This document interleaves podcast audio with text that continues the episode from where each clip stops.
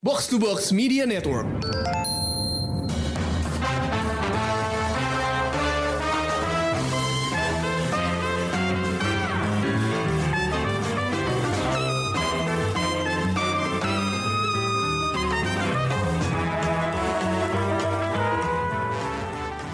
Pendengar Showbox, balik lagi bareng gue Amy di sebuah episode yang bakal mereview film Indonesia yang sedang ramai di bioskop sekarang. Uh, filmnya sebenarnya uh, udah cukup lama gue perhatiin nih promonya gede-gedean sampai bisa sewa billboard segala. Uh, dan gue sekarang ngundang Ulil buat nge-review film ini karena Ulil nih yang ke bioskop dan menonton film Indonesia ini. Filmnya adalah Mencuri Raden Saleh yang uh, film heist Indonesia ya, yang kayaknya agak jarang nih kalau misalnya kita perhatiin di bioskop. Uh, genre ini nggak terlalu rame dibikin sama filmmaker, tapi sekarang ada nih Mencuri Raden Saleh. Gimana Lil filmnya? Um, menghibur dengan dengan itu tadi yang Ami bilang adalah film pencurian pertama di Indonesia gitu ya. Walaupun durasinya agak panjang sih buat gue. durasinya berapa lama sih emangnya? Dua setengah jam kayak hampir dua setengah jam. Wow. Lumayan, lumayan, lumayan. Tapi ketolong Angga Yunanda yang lucu banget. Gimana dong? Wah, kemarin okay. gue udah nanya-nanya sedikit nih sama Ulil tentang film ini. Mm -mm. Uh, terus Ulil bilang filmnya tuh uh, panjang dan agak ruwet, uh, tapi dia bilang filmnya terbagi ketiga konflik. Maksud lo apa, Lil? Iya, jadi kan um, mencuri Raden Saleh ini kan ada uh, di, di apa aktor utamanya itu kan si Iqbal Ramadan sama hmm. Angga Yunanda gitu kan. Iqbal hmm. ini namanya Piko, si Angga ini namanya adalah Ucup di film ini. Di mana si Piko ini dia jago banget ini uh, mahasiswa seni rupa yang jago ngelukis gitu loh Emi. Oh, nah, okay. Piko ini temenan sama si uh, Ucup yang kerjaannya ngejual barang palsu. Oh, Jadi dia nggak palsuin okay. semua barang-barang yang HN kayak kaos, terus uh, lukisan-lukisan, terus barang-barang branded gitu dipalsuin sama dia. Hmm, terus okay. ya uh, akhirnya mereka berdua ini temenan terus adalah satu lukisan yang dibuat sama si Piko ini terus lakunya tuh 900 juta. Wow. Di tempat okay. lelang gitu. Terus kayak uh, ada tawaran lagi untuk ngemalsuin si lukisan Raden Saleh inilah ceritanya. Hmm. Nah, kenapa akhirnya mereka setuju untuk memalsukan si lukisan Raden Saleh ini selain dengan harganya yang miliaran? Ternyata di balik itu Piko ini punya tujuan untuk ngebebasin bapaknya yang masuk penjara di Bandung gara-gara bokapnya ini ngebobol bank. Oh. Jadi kayak bapaknya tuh dijadiin kambing hitam gitu. Nah mereka tuh eh si Piko ini kayak ayah tuh harus keluar, aku akan buat ayah keluar dan bikin kasus ini naik banding lagi gitu-gitu. Tapi hmm. harus ada duit 2M. Hmm. Nah, kebetulan tuh si penawar ini yang nawarin uh, ngemalsuin lukisan Raden Saleh ini berani bayar puluhan miliar gitu. Wah. Jadi okay. jadi kayak ya udahlah gue nggak cuma dapat 2 miliar gitu. Hmm. Nah, yang beli lukisan ini adalah dulunya ceritanya mantan presiden Indonesia gitu. Dan dia punya okay. emang ini ini parah banget sih konfliknya ada gitu kayak dia punya asisten itu kayak kurator galeri gitu yang ngerti lukisan dan segala macam makanya mereka bisa channel lah ke sini. Hmm. Itu konflik pertama ya gara-gara Piko mau nyelamatin bapaknya ngasih duit 2 miliar gitu kan. Oke. Okay. Baru konflik pertama ya Leo. Itu baru pertama. itu dia kayak wow ribut juga ya gitu. Terus udah gitu yang kedua adalah ketika si lukisan ini ceritanya udah jadi nih Emi. Hmm. Lukisannya udah jadi, Piko udah ngelukis uh, apa namanya uh, ngeduplikat uh, lukisan Raden Saleh dan akhirnya si lukisan ini ceritanya akan ada pemindahan lukisan dari Istana Negara ke Galeri Nasional karena ada pameran ceritanya. Oh. Terus akhirnya wah gimana nih ya cara ngumpulin orang supaya uh, bisa menyampaikan lukisan ini dan menukar dup, yang lukisan asli dengan yang duplikat gitu kan. Akhirnya Piko ini punya teman-teman datanglah si Rachel Amanda, uh, apa namanya Agni Hak, terus ada Umay, terus ada satu lagi aktor baru namanya Ariel Irham. Terus kayak kebentuklah komplotan penjahat ini. Di mana masing-masing tuh kalau uh, dalam film ini punya perannya masing-masing gitu loh. Ada yang jago nyetir, ada yang jago jadi mekanik, ada yang jago negosiasi karena dia orang kaya. Jadi kayak channelnya di mana-mana, jadi bisa memudahkan uh, pencurian luki, pemindahan lukisan ini. Terus ada yang jago uh, taekwondo gitu-gitu. Kumpul lah si mereka ber enam ini kan hmm. kumpul terus Uh, karena mereka nggak punya basic mencuri pada pada pada dasar ya mereka tuh nggak punya plan B kalau plan A ini nggak berhasil jadi kayak ya udah kita ntar tuker tuker lukisannya di sini, bikin kemacetan, bikin segala macam, bikin mobilnya jadi dua, lo nyamar jadi supir di uh, jasa pengiriman ini kayak gitu-gitu. Standar lah ya. Udah gitu, eh ternyata mereka di tengah jalan ketangkep, Bo pas lagi mau mindahin tuh lukisan duplikat sama lukisan asli ketangkap tuh ceritanya. Plannya gagal mereka nggak punya plan apa apa lagi kan. Akhirnya kabur kaburan lah tuh. Konflik kedua. Akhirnya itu dua okay. lukisan masuk ke dalam kantor polisi. Terus kayak wah ketahuan nih ada yang duplikat ya kan? Terus hmm. anak-anak ini kabur satu orang ketangkep. Tapi si satu orang ini uh, apa namanya nggak cepu dia diem aja gitu di kantor polisi terus sampai kantor polisi uh, datang dong karena ini mau acara galeri nasional dan itu mepet waktunya datanglah si kurator yang presiden di awal tadi itu ah.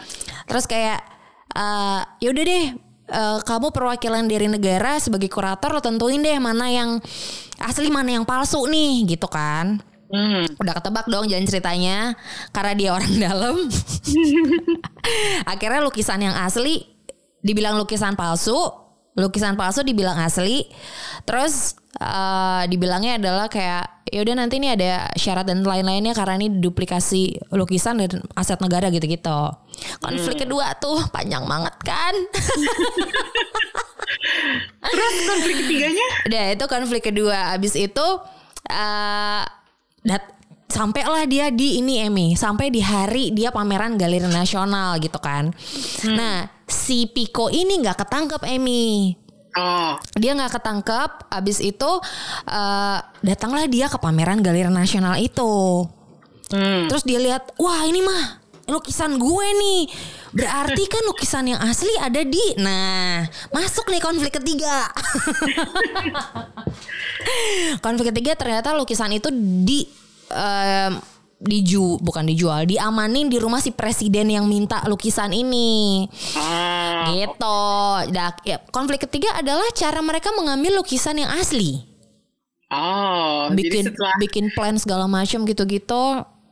Cari trik gimana caranya supaya itu lukisan asli balik lagi ke tangan mereka. Karena ternyata si pak presiden ini kayak punya dendam gitu buat negara gara-gara apa gitu karirnya jadi uh, jadi nggak bisa lanjut akhirnya kayak ya udah gue mau gue mau lukisan ini aja gitu. Konflik ketiga. Ah. konflik ketiga. Sebenarnya ada satu lagi tapi kayaknya nggak penting-penting banget ini di belakang. Konflik bapak sama anak aja. Tapi ternyata di akhirnya tuh bapaknya si Piko yang di penjara tadi itu mm -hmm uh, negosiasi sama si presiden ini supaya lolos. Jadi kayak oh my god banyak banget konfliknya. Aku capek. Tapi untung yang terakhir udah nggak dipanjangin. kayak udah selesai, selesai gitu. Ya. gitu. Hmm, Gitu. Gue juga kalau nonton trailernya Lil, gue yeah. tuh merasa ceritanya agak jelimet dan gak sesimpel yang digambarin sama trailernya. Apakah lo juga merasa itu jelimet? Setuju, karena kan uh, di trailernya sendiri itu ada dua versi Emi. Ada yang trailer satu sama trailer final. Nah, nah, lo nonton yang mana nih? Kalau lo nonton yang trailer satu itu agak tidak begitu jelimet. Karena oh. di situ kayak mereka mereka mengenal di awal tuh mereka ngenalin si tokoh-tokoh ini, terus baru hmm. ke case-nya walaupun ngacak gitu kan. Yeah. Kalau kita nonton trailer final itu bener kata lo jelimet banget, coy. Iya, yang gue nonton trailer final. Nah, itu tuh kayak eh mau cerita apa nih, weh gitu kan? tapi itu berarti kerasa ya di filmnya selama lo nonton dua setengah jam itu? Kerasa sih, capek banget, capek banget. Ya tapi berhubung ini bertabur bintang dan ada komedinya, jadi Hmm. gue tetap gue tetap merasa terhibur gitu. Tapi di akhir-akhir di belakang eh, di awal di ya mungkin 45 menit awal kali ya itu gue udah kayak ya udah mau ngapain nih? Karena itu mungkin building karakternya berniatnya di awal tapi menurut gue cukup lama gitu. Hmm. kayak ngejelasin Piko pacaran sama salah satu uh, komplotannya ini juga ternyata. Jadi karena dia pacar jadi ya udah gue bisa kok ikut komplotan lo gue bisa uh, ini gue bisa taekwondo gitu gue atlet gitu gitulah terus udah gitu terlalu banyak pengenalan karakter yang cukup apa ya panjang sih menurut gue. Terus cara mereka untuk um, em, mem- apa membuat strategi untuk mencuri lukisan ini juga menurut gue kenapa nggak tak tak tak tak tak tak gitu loh mungkin Oh iya iya iya. Mungkin ini kerasa jadi agak lama karena mereka beginner kali ya. Maksudnya mereka kan baru mulai mencuri gitu. Iya iya iya. Ya terus dan mungkin di otak gue tuh sudah terbayang-bayang dengan film heist yang lain kayak Ocean 8, Ocean Ele- eh, 11, Ocean 12 gitu yang pas kita nonton pengenalan karakter dari awal tuh udah ketahuan. Dia tuh cuma sekilas lo jadi ini lo IT lo ini gitu kan. Kalau ini tuh bener-bener diceritain gitu ya bisa satu walaupun nggak begitu eh, panjang ya kisahnya cuman didetailin gitu Hmm, kalau menurut gue sih dari yang udah lo ceritain sejauh ini, eh, cerita rumit itu adalah tipikal memang di sebuah film heist ya, sebuah film pencurian gitu. Ya. Di mana-mana juga film pencurian tuh lumayan eh, Jelimet. mikir gitu Uh-uh, kan, karena mm-mm. karena mereka harus kayak mengelabui nggak hanya sesama karakter tapi juga mengelabui penonton kadang-kadang gitu. Iya Dan tadi lo udah nyebut eh, contoh-contoh dari seri film Ocean ya. Terus baru-baru ini kan ada filmnya Freddie Highmore tuh yang eh, The Vault. Mm-mm. Yang apa namanya film Spanyol sebenarnya. Oke. Kalau dibandingin sama film-film heist luar negeri, gimana penilaian lo terhadap Mencuri Raden Saleh ini, Bel? Masih awal sih.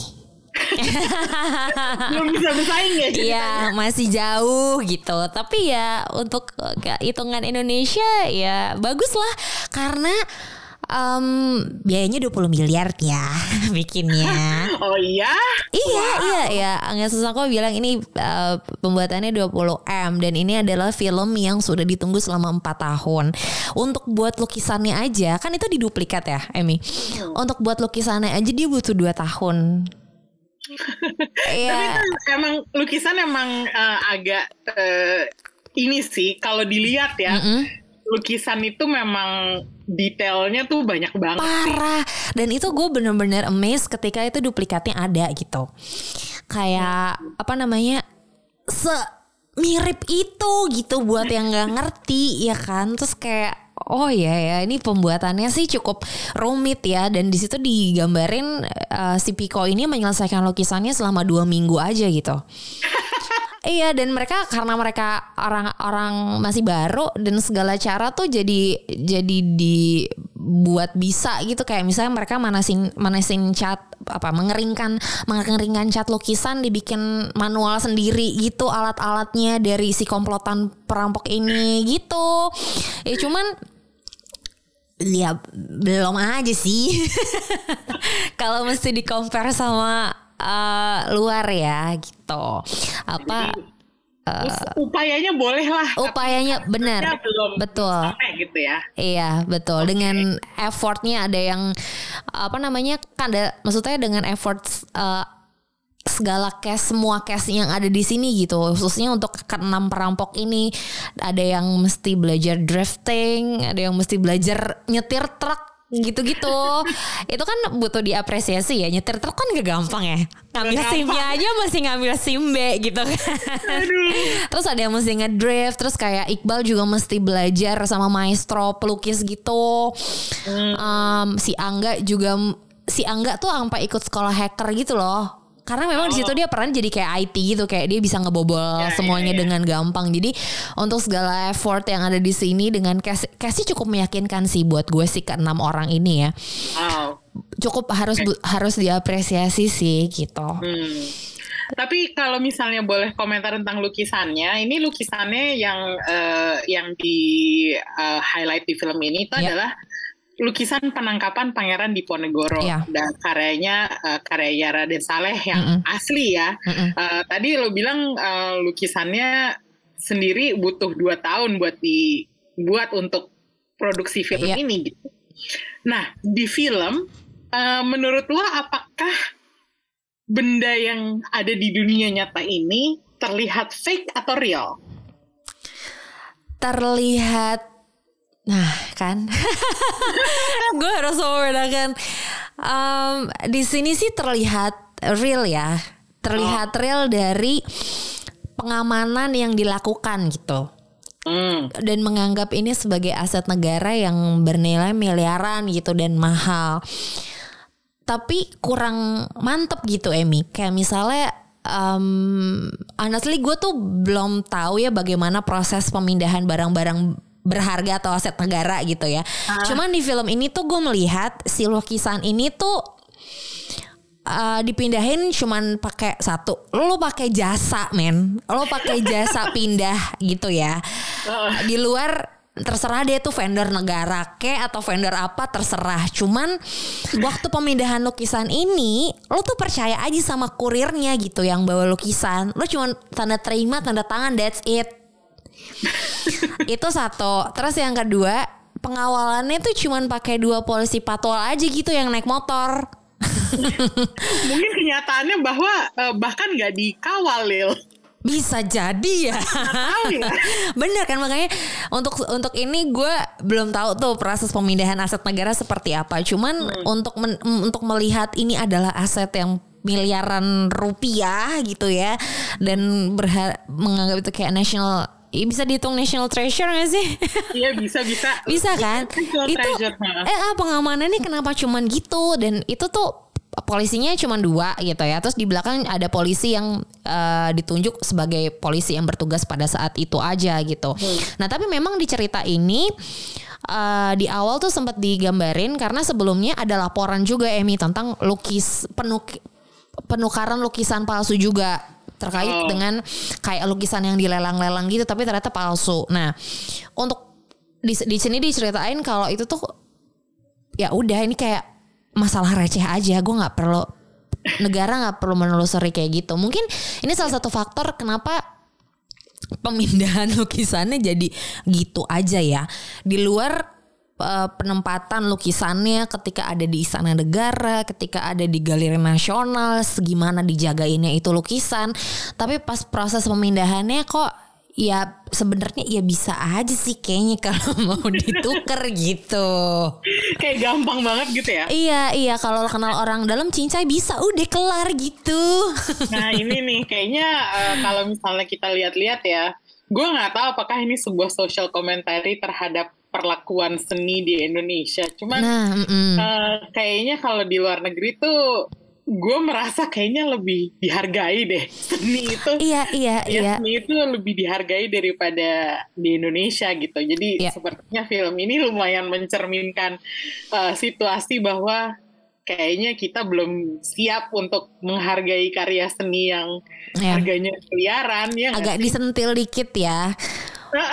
Iya iya iya. Gue nggak tahu sih. apakah si uh, Angga Sasongkonya pengen ngomong sesuatu tentang itu atau enggak. Gue nggak tahu niat dia tuh seperti apa. Cuman kayaknya kok kayaknya jadi malah agak ini ya nyindir gitu. Nyindir. Ya tapi kan memang kalau kita lihat beberapa filmnya dia kan memang ada pesan-pesan ya. Hmm, Oke. Iya kan kayak kayak filosofi filosofi kopi kita lihat ya pesannya terhadap si petani kopi gitu-gitu gak sih? Ben Iya, iya. Jody dan lain-lain. Ya mungkin ini gue juga kemarin kepikiran kayak gitu sih. Oh memang ya sebuah apresiasi terkait dengan seni di Indonesia tuh belum segitunya gitu. Masih butuh fight lagi. Entah itu baik dari mungkin em, eh, apa fe- eh, festival-festival film pendek atau kayak misalnya uh, musikal-musikal yang kita bisa tonton di galeri kaya Indonesia kayak gitu-gitu kan. Iya itu dia. Gitu.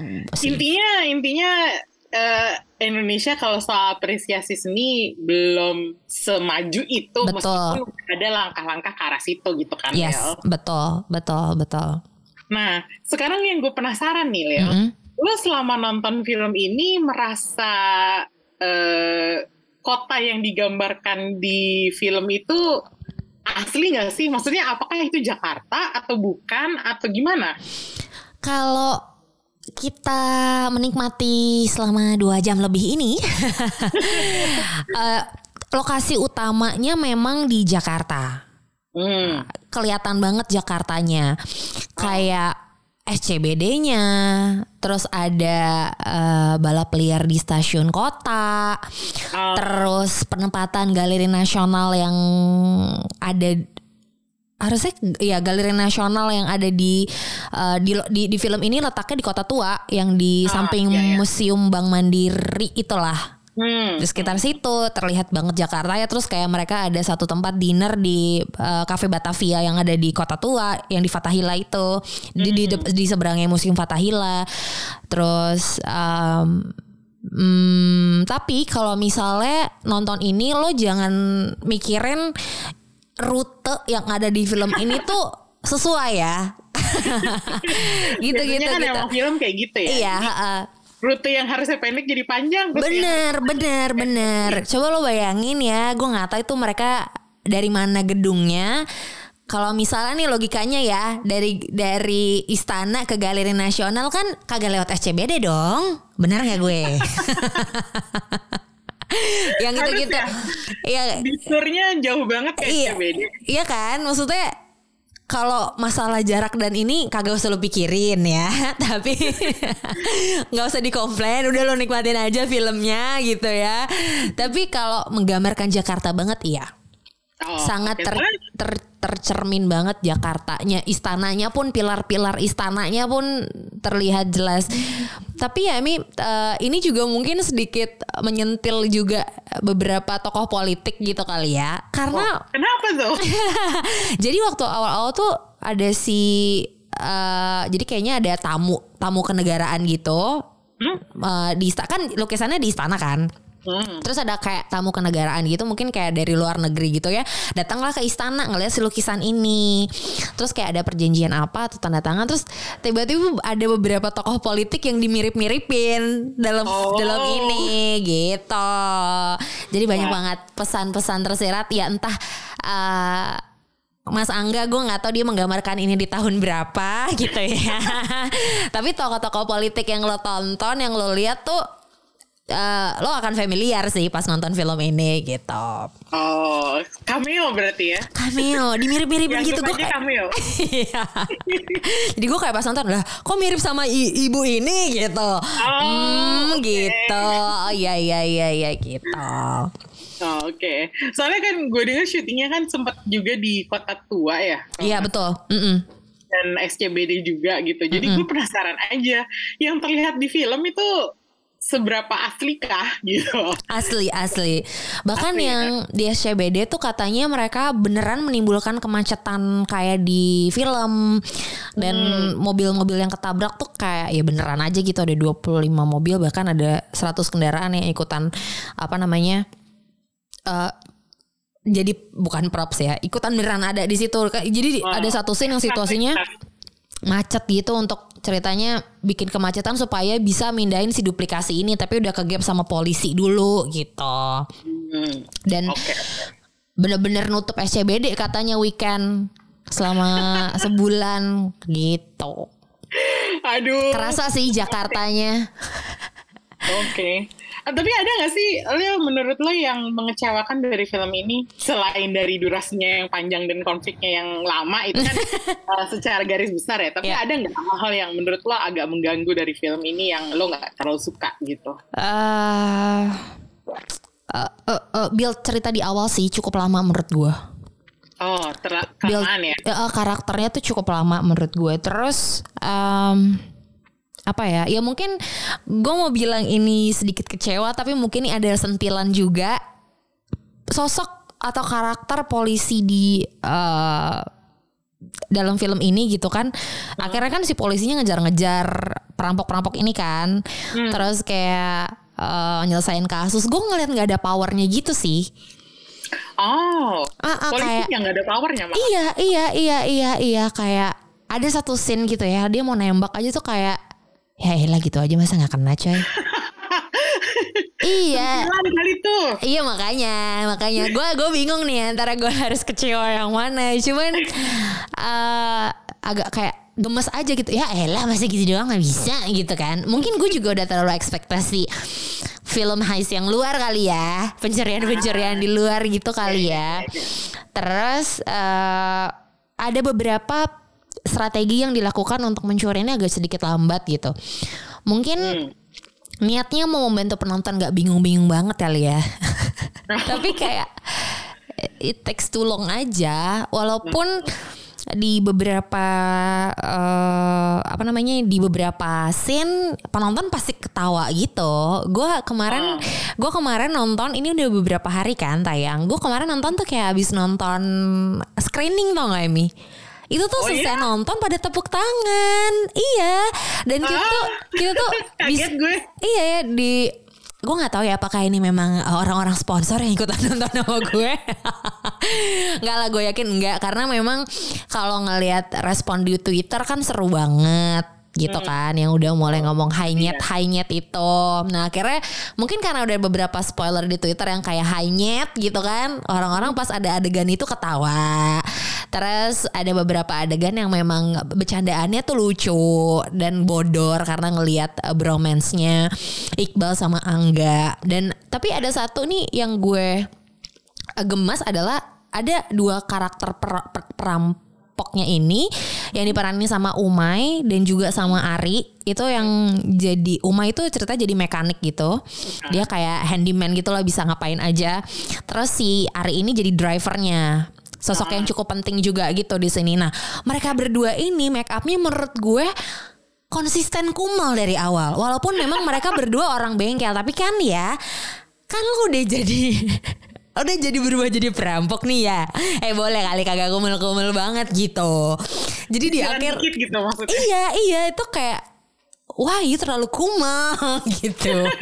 Kayak udahlah acting bengkel udah selesai. Karena di akhir-akhir mereka kan jadi ny- ceritanya mereka nyamar jadi seorang sound engineer gitu buat acara untuk eh, acara ulang tahunnya si Pak Presiden di mana ulang tahun Pak Presiden ini diambil jadi momen untuk nyolong lukisan yang aslinya gitu. Udah jadi sound engineer aja mukanya masih kumal, gemes gue. eh, ini boleh gak sih nggak Kayak kumal? gitu-gitu tuh itu penting sih kalau menurut gue kayak apa sih eh, apa namanya kayak karena di kalau misalnya kita ngeliat di film luar situasi dan tampilan karakter tuh kan penting banget ya. Leo. Iya, iya benar. bahas di Korea Vaganza kemarin Heeh.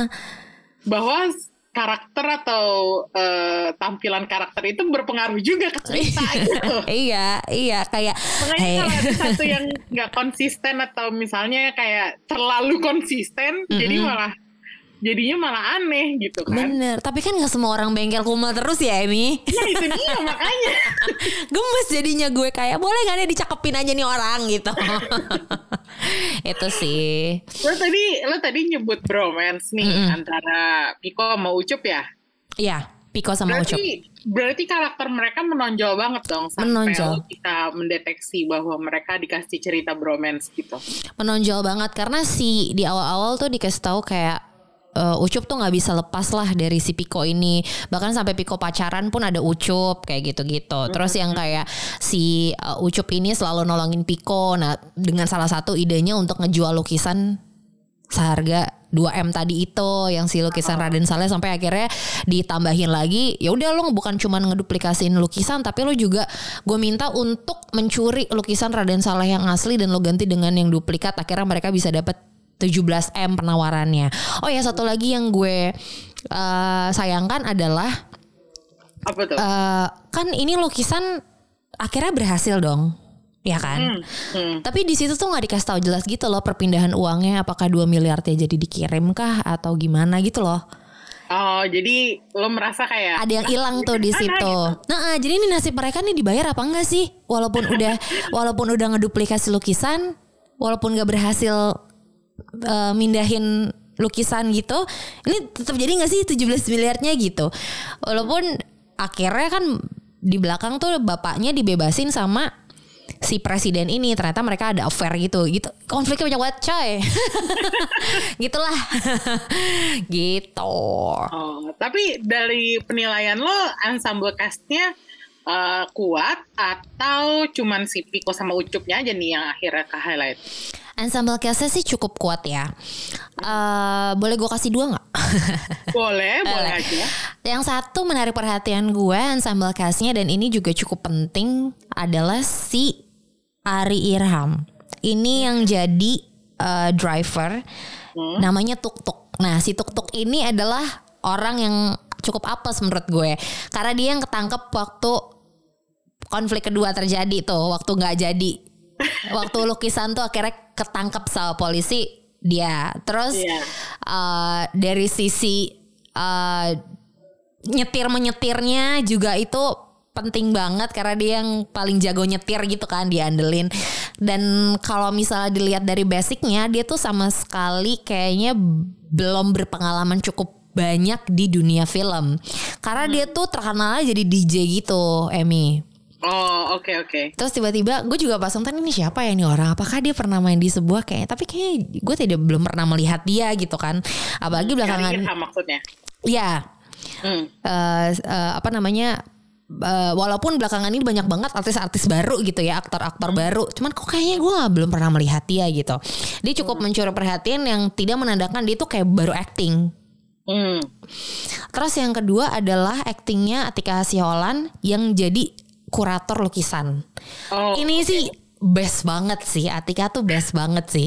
Li kenapa kenapa? Liciknya dapet, ibu perinya dapet,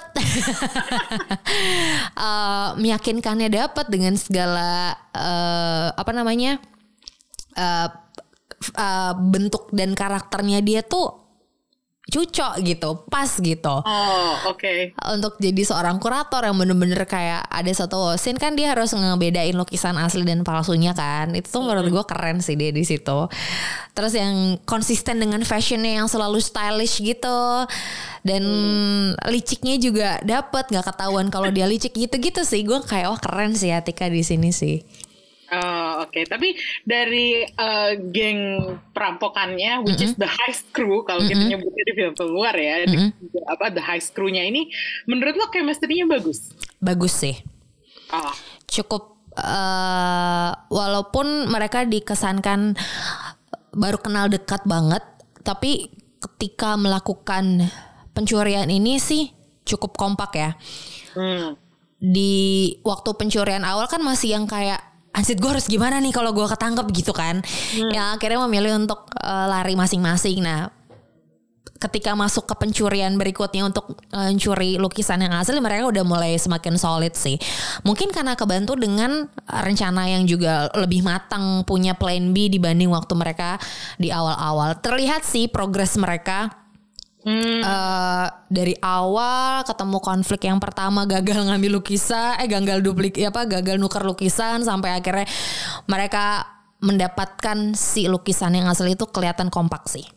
Hmm, oke okay, soalnya kalau misalnya kita ngelihat film-film heist seperti fil seri film Ocean aja ya, yeah. kan itu kan kelihatan mereka kompak banget gitu yeah. meskipun kita nggak tahu ya aslinya mereka ada berantem berantem apa enggak di set gitu mm -hmm. cuman uh, kalau yang terlihat di film tuh memang pasti kayak smooth banget yeah. uh, kerjasamanya gitu gue penasaran apakah si kru yang ada di mencuri Raden Saleh ini uh, se, se semulus itu apa enggak gitu kerjasamanya yeah. dan ternyata setelah uh, lo udah buktikan bahwa ternyata mereka kelihatan kompak gitu yes kompak kok Mm. Gemes jadi gemes gitu. Jadi kalau melihat iklan mereka di billboard billboard ya memang sekompak itu mereka. Komplotan oh. perampok itu pas pas gitu kayak misalnya kayak kita ngeliat poster Now You See Me ya kan posternya ya, betul, Ocean betul. seri ya, Ocean ya. itu ya, ya. kompak gitu. Oke. Okay. Um, Oke okay, dari lo sekarang lo kasih rating 1 sampai lima bintang dapat berapa bintang nih? Gue kasih empat setengah lah. Wow, tinggi banget ya. iya, walaupun lama ya. itu pujian tinggi banget loh kalau uh, menurut uh, kacamata gue empat setengah itu tinggi sekali. Iya. Karena ini film bertabur bintang yang bener-bener semuanya porsinya pas. Nggak ada yang Oh, kayak gue nggak gue nggak sia-sia bayar ini jadi ini gitu. Ah, oke oke.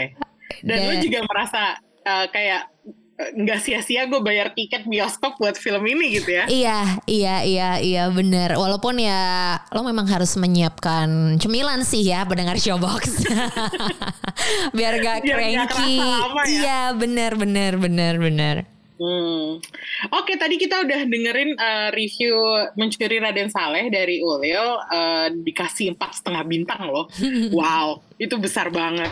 Dan berarti kalian pendengar Showbox harus segera ke bioskop dan nonton film ini karena ya ini film heist Indonesia yang salah satu yang pertama lah ya. Gue nggak bilang pertama banget soalnya kayaknya sepertinya udah pernah ada deh.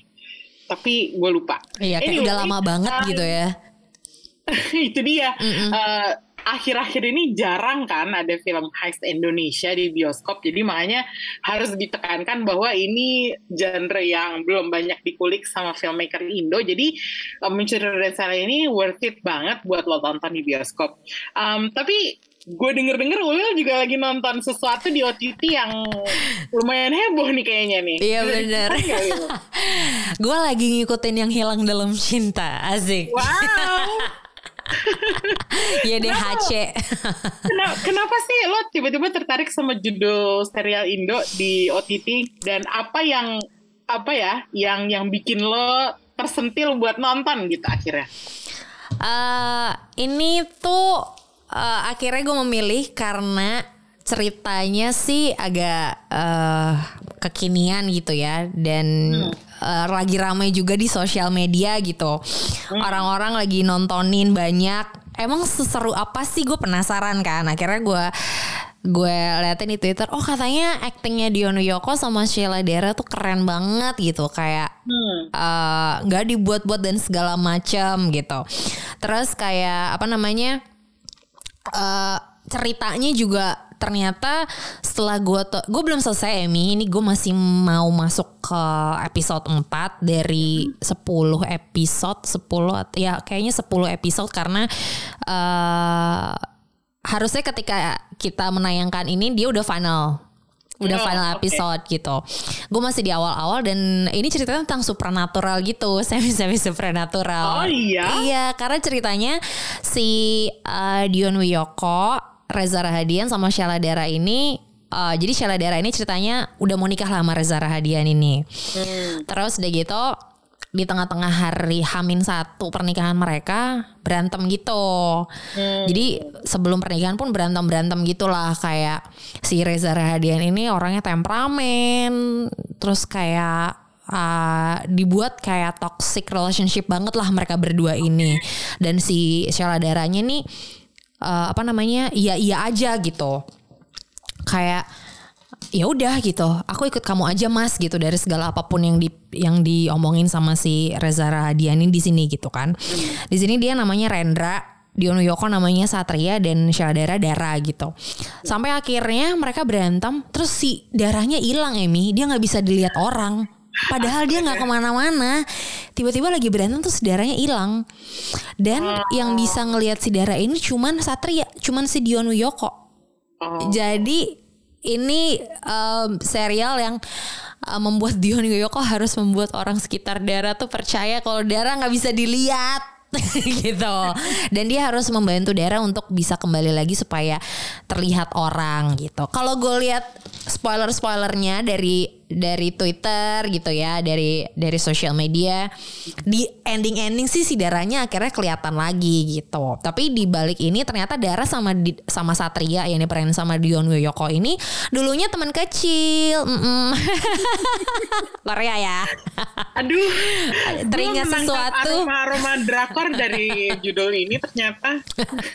ternyata mereka teman kecil dan ternyata si Satria ini suka sama Dara tapi nggak pernah diomongin. Mereka ketemu gede ketika Dara udah mau nikahan, eh nikahannya di hotel tempat kerjanya si Satria gitu. Akhirnya makanya ada ada koneksi antara Dara sama Satria kenapa eh, cuman Satria yang bisa lihat katanya sih. Ini kan gue masih di awal-awal ya. Karena yang sayang banget sama Dara aja yang bisa ngelihat Dara gitu. Oh. Itu masih di awal-awal ya. Gue masih di awal-awal nih. itu aroma drakornya kuat banget beneran. Iya kan? Tapi kalau sejauh yang udah lo tonton serialnya worth buat ditonton. Sejauh ini sih penasaran ya worth ya. Gue pengen tahu nih akhirnya gimana nih cara ngebalikin Oh. si darahnya ketemu. Terus uh, ini juga menyentil tentang um, hubungan hubungan kekinian ya. Oh, yang ngomongin oke. tentang toxic relationship itu gitu. Ternyata untuk lepas dari toxic relationship tuh nggak segampang itu. Lo tau Iya, pasangan lo toxic tuh oke dia toxic gitu tapi ternyata enggak men gitu. Di sini tuh diceritainnya enggak gitu. Gitu sih. Kayak seru sih, semakin seru. Reza Radian tetap disebelin sama semua orang karena dia emang nyebelin banget ya di di series ini tuh nyebelin banget. Dan uh, kalau gue lihat-lihat juga adalah uh, apa namanya? si serial ini tuh uh, mengangkat daerah Jakarta Utara. gue baru gue baru nonton awal-awal tapi ya memang iya sih beberapa scene-nya tuh diambil di salah satu hotel bintang 5 yang ada di PIK. Oh, oke. Terus beberapa adegannya juga diambilnya di PIK gitu. Dan ini juga salah satu serial yang bertabur bintang juga ya Mi. Hmm, iya sih kalau ngeliat cast-listnya lumayan. iya kan? Ada Sri Welas. Ya. Ada Dwi Sasono, ada Ringo. Coba lo yang kangen nonton Ringo di luar keluarga Cemara, lo bisa nonton ini. Oke. Terus di belakang-belakang. Emang intinya ini high profile juga ya. Jadi Iya. eh, sebenarnya kalau bisa dibilang industri perfilman kita tuh lagi ngejar banget sebenarnya eh, industri film luar. Eh, ya sebut aja mungkin Korea, Thailand gitu. ya, Nggak lama lagi mungkin kita akan bisa bersaing sama mereka. Jadi eh, itu dia tadi yang hilang dalam cinta juga sebagai selingan aja sih. Gue cuman pengen eh, nampilin beberapa judul yang lagi hot nih sekarang. Thank you banget Ulil udah sharing reviewnya bareng kita. sama-sama. Eh, kita ketemu lagi di episode berikutnya yang mungkin ngebahas film barat atau ya film Indonesia lagi juga boleh. Ya, Oke. Uh, gue dapat beberapa request sudah nih dari beberapa penggemar Showbox. Thank you banget guys sudah ngirimin uh, suara kalian terhadap uh, podcast ini. Uh, kita ketemu lagi di lain kesempatan. Thank you. Bye bye. Bye bye.